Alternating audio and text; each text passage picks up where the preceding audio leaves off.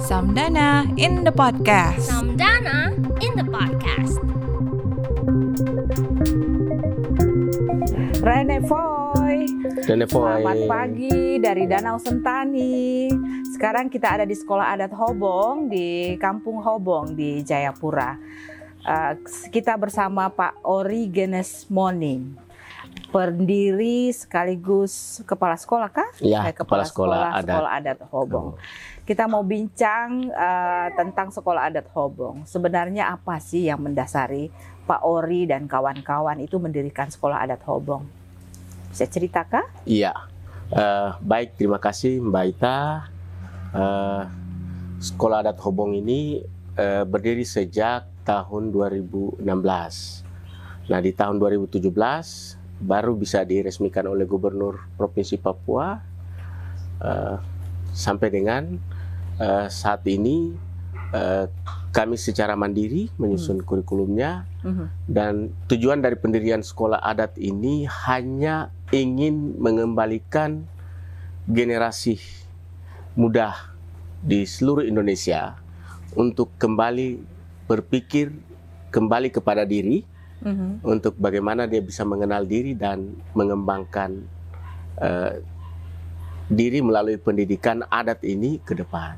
Jadi walaupun kita sudah masuk di dunia modern, Iya. kita jangan sampai lupa dengan adat istiadat, begitu kan? Begitu. Sebagai anak adat, Iya. mau pergi ke mana pun, adat itu tetap melekat ya. Iya. Nah, selama selama perjalanan dari 2016 itu sampai dengan sekarang, apa saja sih yang udah dicapai oleh Iya. sekolah adat ini? Baik, eh, dari tahun 2016 sampai ke 2017 itu baru kita dimasukkan ke dalam sistem formal. Mhm. Akhirnya sampai apa eh, pemerintah menyetujui untuk kami Muatan bisa lokal. ya bisa berdiri sendiri Mhm. untuk eh, menggagas pendidikan adat ini Mhm. dia bisa include masuk ke dalam pendidikan formal. Pendidikan formal. Nah, ditandai dengan peresmian itu. Mhm. Nah, Mhm. dari tahun 2017 sampai ke 2018 Eh, kami melakukan eh, MOU dengan pemerintah daerah Mhm. eh, sampai dengan pe- pemerintah daerah menyetujui untuk kami menggagas kurikulum secara mandiri. Mhm. Akhirnya kurikulum itu sudah disahkan, Mhm. ini yang kita pakai sampai Hmm. sekarang. Sebelum sampai dengan kurikulum itu disahkan, kan pasti ada tahap-tahap persiapan sebelum orang kenal siapa sih sekolah adat Hobong itu. Bisa ceritakan sedikit pengalaman Baik. suka dukanya, lucu-lucunya atau sedihnya, marahnya gitu. Iya. Pengalaman. Eh, eh, memang agak apa ya? Saya terharu kalau urus pendidikan adat. Yang yang terkesan buat diri saya ketika mengurus sekolah adat ini seolah-olah ingin mengembalikan manusia ke posisi awalnya begitu. Hmm, Jadi agak susah untuk saya mau mendapatkan dukungan dari orang-orang tua. orang-orang tua, apalagi eh, seperti pendidikan. Hmm, Itu berarti ada anak-anak yang harus kita didik Ya. untuk dia mengenal budayanya, hmm, adat istiadatnya. hmm, Nah, saya tertantang dengan apa yang dikatakan oleh orang tua kepada anak-anak. Loh, itu kan kita sudah tinggalkan sejak dulu. hmm, Nggak usah kita kembali ke situ lagi. hmm, Jadi saya kekurangan siswa di situ. hmm. Bah, Jadi, saya hmm. Awal-awal berapa siswa yang yang mau- Awalnya- yang mau ikut itu? yang mau ikut itu sejumlah eh, se- 10 10 orang. 10 orang. Nah, Ah. nanti bertahun Hmm. bertahap. Da- dari mana 10 orang itu asalnya dari mana dulu? Iya, 10 orang itu dari kampung-kampung yang ada di pulau-pulau di Sentani. Hmm. Ah, ada dari Abar, Mm-mm. ada dari Kensio, Mhm. ada dari Hobong sendiri, Mhm. ada dari Kampung Putali, Mm-mm. dan ada beberapa kampung yang ada di. Berapa rata-rata usia mereka yang ikut di? Iya, memang eh, karena sekolahnya kita buka eh, usia rata-rata eh, kita terima dari SD, SMP, SMA juga. Hmm. Artinya pada saat eh, belajar kita bagi kelasnya. Hmm. Nah, dari usia yang SD kita pisahkan sendiri, SMP sendiri, SMA sendiri. Jadi ada tiga Mhm. kelas begitu Mhm. kita pisahkan. Tadi kan katanya ada tantangan. Kita se- seperti mengembalikan ke masa lalu ya. Iya. Ya, masa orang kegelapan katanya ya. Kalau orang bicara adat itu kan suka diasosiasikan sebagai primitif ya. Betul. Lalu bagaimana Om eh, atau Bapak Ori untuk meyakinkan bahwa ini tidak seperti itu cita-citanya? Ya, Mm-mm. ya saya hanya mengatakan kepada mereka bahwa ini loh yang sebenarnya yang kita punya. Hmm. Nah ini yang belum pernah kita tuliskan, Mhm. belum pernah kita catatkan. Mhm. Kalau yang kita belajar hari ini itu memang yang dibuat oleh negara lain, Hmm. eh, seperti saya di Kristen ya. Mm-mm. Kalau saya di Kristen, hari ini saya meyakini Alkitab. Se- Nah, dengan alasan itu saya tahu bahwa Alkitab yang saya belajar hari ini bukan disusun oleh nenek moyang saya orang Indonesia. Hmm, orang Papua. Iya, dan juga secara khusus bukan orang Papua yang susun. Mhm. Ini dis- disusun oleh orang lain, Mhm. lalu kita belajar, Mhm. lalu kita mempedomani itu dalam hidup kita. Ya.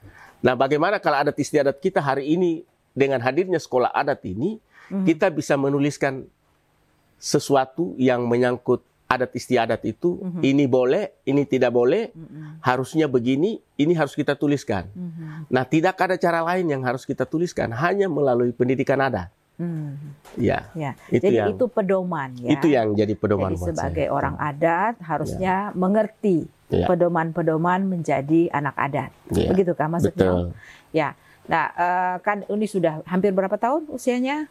Eh, sudah 9 tahun lebih. 9 tahun. Ada berapa sekolah yang sekarang sudah terima? Ya, yang Tidak. tadi setelah kami eh, masuk eh, kerjasama dengan Pemda, Mhm. Kita keluarkan apa peraturan bupatinya, Mhm. ya sudah. Sekarang sudah 54 sekolah dasar, 54 sekolah dasar. 54 sekolah dasar juga adalah 54 sekolah adat di Kabupaten Jayapura. Jadi 54 sekolah dasar, 54 sekolah adat. Betul. Ah, Oke. Nah, 54 sekolah adat ini saya perlu luruskan bahwa eh, pendidikan adat ini eh, kita include masuk ke dalam pendidikan formal. Mhm.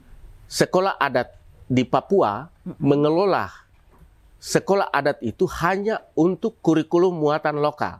Hmm. Ah, muatan lokalnya itu dikelola oleh sekolah adat Papua. Sekolah adat Papua, Iya. termasuk menyediakan guru-guru Iya, untuk pengajar. tenaga pengajarnya kita Pengajar. siapkan, modul bahan ajarnya kita siapkan, Mm-mm. buku panduan gurunya kita siapkan. Mm-mm. Seperti itu. Sekarang berapa guru yang untuk me- apa mengelola 52 Ya. sekolah adat itu? Eh, untuk 54 eh, sekolah 54 ya 54 sekolah adat ini eh, setiap sekolah Mhm. satu guru muatan lokal. Jadi ada 54. Ada 54 saya rekrut guru-guru dari sekolah formalnya Oke. yang guru tiknya Aha. eh, kita bina di sini buat Oh. lokakarya, Aha. workshopkan dia. Setelah Oh. itu dia tahu bagaimana cara dia mengajar di sekolah, Aha. lalu kita lepas ke sekolah-sekolah. Ah, itu kan ke- berbeda nih kan, belajar tentang adat dengan belajar di eh, sekolah biasa Iya. itu kan berbeda, berbeda. Termasuk misalnya ada bahasa, Iya. termasuk belajar bahasa, bahasa ibu. Bagaimana guru-guru itu mengajar? Apakah guru yang mengajar bahasa ibu atau ada guru dari masyarakat adat yang pergi mengajar? Iya. Hmm. Eh, ada guru yang sekolah sudah siapkan, Hmm. tetapi dia belum memahami Mhm. seperti apa harus dia ajarkan kepada anak-anak. Mhm. Eh, Hmm. nah ini yang kita lakukan pendampingan juga dari Hmm. sekolah adat. Mhm. Sementara dari sekolah adat sehari ini sudah berjumlah 15 guru Mhm. yang kita masukkan ke dalam pendidikan formal itu sambil membantu. Mhm. Setelah guru yang ada di sekolah yang bersangkutan sudah siap, ya kita lepas. Oh, jadi dia Eh, mendampingi. dia guru mendampingi. sekolah itu ya. Ah, ah. Om ada lagi gini, Eh, ketika belajar sekolah adat, apa yang eh, Pak Ori rasakan dari sebelum mereka belajar tentang adat ini Iya. dengan yang sekarang mereka belajar? Adakah perubahan sikap atau perilaku mereka? Iya. Anak-anak murid. Ya, anak murid hari ini eh, saya memang rasa terharu. Mhm. Yang saya harapkan mungkin agak lama nanti Mhm. saya ketemunya. Tetapi Hmm. ini di awal begitu jalan mereka punya semangat tinggi untuk Hmm. belajar Mhm. bahasa ibu. Mhm. Jadi tidak mereka gurunya ngajar di kelas yang A, Mhm. di kelas B-nya udah datang minta Pak Guru nanti setelah dari situ ajar kami lagi kah? Hmm, Gitu. Jadi sudah antri. untuk Sudah antri. Ya. Lalu eh, kemarin kita ada kerjasama dengan eh, Balai Bahasa Mhm. untuk melakukan lomba eh, cerita rakyat pakai bahasa ibu, Mhm. baca puisi pakai bahasa ibu, Mhm. menyanyi pakai bahasa ibu, Mhm. semua kita sudah lombakan. Mhm. Jadi saya dengar mereka berbicara pakai bahasa ibu, Mhm. saya rasa bangga. Terima kasih. Apa eh, tantangan paling besar kalau waktu memulainya dulu adalah penolakan dari orang tua. Orang tua. Nah, sekarang apa tantangan yang dihadapi untuk terus memajukan sekolah adat ini bisa diterima? Iya, saya terus meyakinkan kepada pemerintah bahwa ini penting. Mhm. Ini penting, kalaupun adat kita berbicara di luar konteks yang berbeda, Mhm.